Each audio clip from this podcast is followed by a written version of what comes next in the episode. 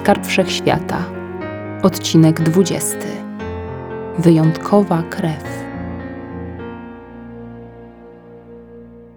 W czasie, kiedy panna Schneider przeżywała jedne z gorszych chwil swojego życia, na przeciwległej półkuli, na której zlokalizowana była wyspa Asper, panował dzień. Alina Meron powodzeniem zakończyła swój wypad do stolicy dystryktu 77 po załatwione dzięki przeróżnym kontaktom matki obiecane lekarstwo dla ofiar pamiętnej bitwy o konwój z 3 lipca.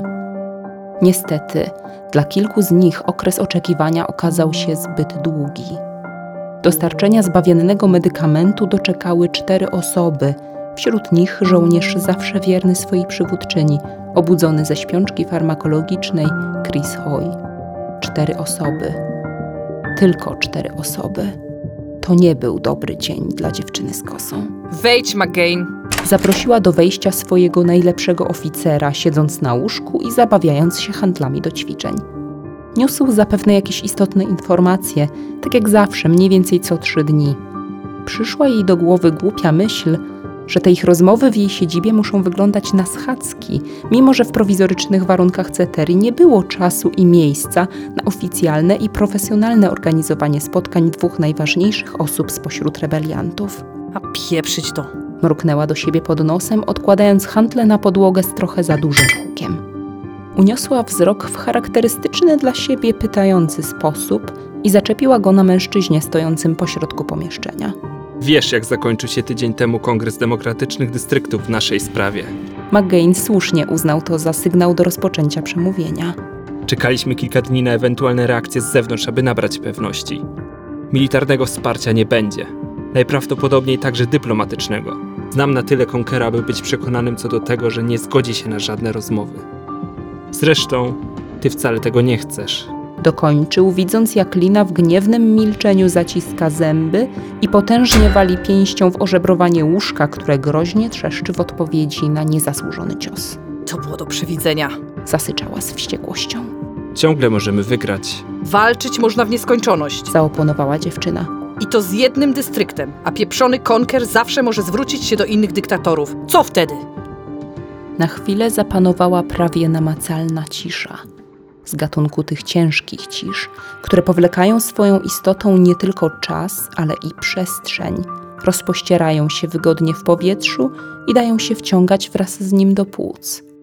Cisza z gatunku tych dźwięczących w uszach, grających na dość już zszarganych ludzkich nerwach. Cisza z gatunku tych przed burzą.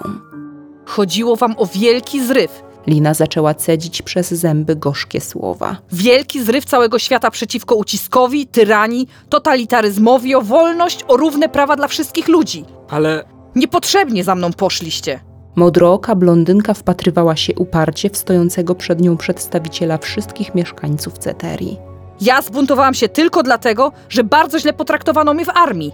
Tak, ja nigdy nie miałam zamiaru walczyć z potęgą w imię wybujałych idei. Słyszysz? Musiała się starać, by nad sobą panować. To czysty przypadek, że tu jestem. Przypadek, że wami dowodzę. Cholerny przypadek. Wasz pech. Przerwała na chwilę. Co ja mam im teraz powiedzieć? Zapytała retorycznie, wskazując ręką zamknięte drzwi prowadzące do sieci podziemnych korytarzy Ceterii, za którymi toczyło się życie, podtrzymywane nadzieją cudownego zwycięstwa. Poszli za nieodpowiednią jednostką. Nie patrz tak na mnie. Za nieodpowiednią, na pewną zgubę i śmierć. To ich czeka, bo cholerny świat zobojętniał. Bo wszyscy, którzy mogliby pomóc, mają ich głęboko w... gdzieś. nie było innego wyjścia. Nieśmiało wtrącił McGain. Od dawna w powietrzu wisiał bunt. Potrzebna była tylko iskra, żeby wybuchł. W innych dystryktach po prostu brak takich iskier jak ty. Przestań chrzanić. Zdenerwowała się Lina. Choć nie, masz trochę racji. Jest jak mówisz. I dlatego sytuacja robi się beznadziejna. Jesteśmy sami. Prędzej czy później wybiją nas jak zwierzynę łowną. Wdepnęliśmy w bagno. Konker chce rozszerzyć wpływy D77 kosztem Ceterii. Marzy mu się zajęcie całej wyspy. Potrzebował jedynie pretekstu. I kurde, ja go dostarczyłam. Teraz dystrykt walczy z rebelią na terenie swoim i w okolicach nienależących do nikogo, które po zwycięstwie staną się jego własnością. D77 będzie jednym z największych dystryktów na świecie. Racja jest po naszej stronie. Kurde, a kogo to na tej durnej planecie obchodzi? Mi się wydaje, że są w ogóle co najmniej dwie racje. Co najmniej dwa główne systemy polityczne trzęsące całym światem, które walczą ze sobą od dawna. Tylko nie zbrojnie jak my. I to jest nasz problem. Jesteśmy sami. Chrzanić to wszystko. Po dłuższej chwili ciszy, już najzupełniej służbowym tonem odezwał się oficer. Co w takim razie mamy robić? Uważać na wschodnie tereny. Od tamtej strony mają nastąpić intensywniejsze patrole wojsk D-77. Zabezpieczyć kryjówki, nie rzucać się w oczy, korzystać z tego, że konflikt na razie przygasł, choć te partyjne gnidy według mnie coś planują. Widząc zaniepokojoną twarz rozmówcy, dowódczyni zdecydowała zakończyć rozmowę pozytywniejszym akcentem. Ale będziemy trzymać się razem, bo jakiś cholerny wewnętrzny instynkt zabrania mi was opuszczać. To tyle, żegnam. Kiedy drzwi zamknęły się za wychodzącym McGainem, Lina położyła się na łóżku i zanurzyła w potoku myśli. Zamyśleniu sprzyjał stary, brunatny, nisko zawieszony sufit jej siedziby, wzdłuż którego pęknięć swobodnie wędrować mógł znudzony i zmęczony wzrok. Jestem sama. Po raz kolejny od czasu ucieczki do Ceterii doszła do tego smutnego wniosku, zamykającego niemal każde z jej przemyśleń. Jest mama, są Faith, Darla i Ike, są Alba, Feliciano, ale jestem sama i tego nic nie zmieni. Kurde, że też musiałam urodzić się taka, taka inna. Wszystko na mojej głowie. Może zwierzaki mają rację. Pełna moc, jeden brawurowy atak, zniszczę pół stolicy i wyparuję z miejsca zamieszania. Zobaczą wreszcie na co mnie stać. Pokażę im, że nie potrzebuję niczyjej pomocy, by wygrać. Ja wygram. Ja. W potoku myśli na krótki moment na wierzch wypłynęła i odezwała się wyjątkowa krew Liny Meron. W głowie zaszumiało echo jej prawdziwego, jedynego powołania powołania do walki, do wojny, do niszczenia, do tego wszystkiego, do czego przystosowane zostało przez naturę jej silne i odporne ciało. Nie, natura nie jest tak okrutna.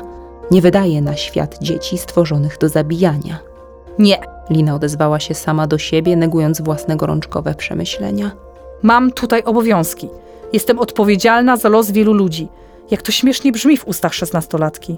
Zaśmiała się bez przekonania. To nic, przetrwamy. Razem. Spróbujemy. W potoku myśli górę nad cechami wrodzonymi wzięło ludzkie wychowanie. Na razie.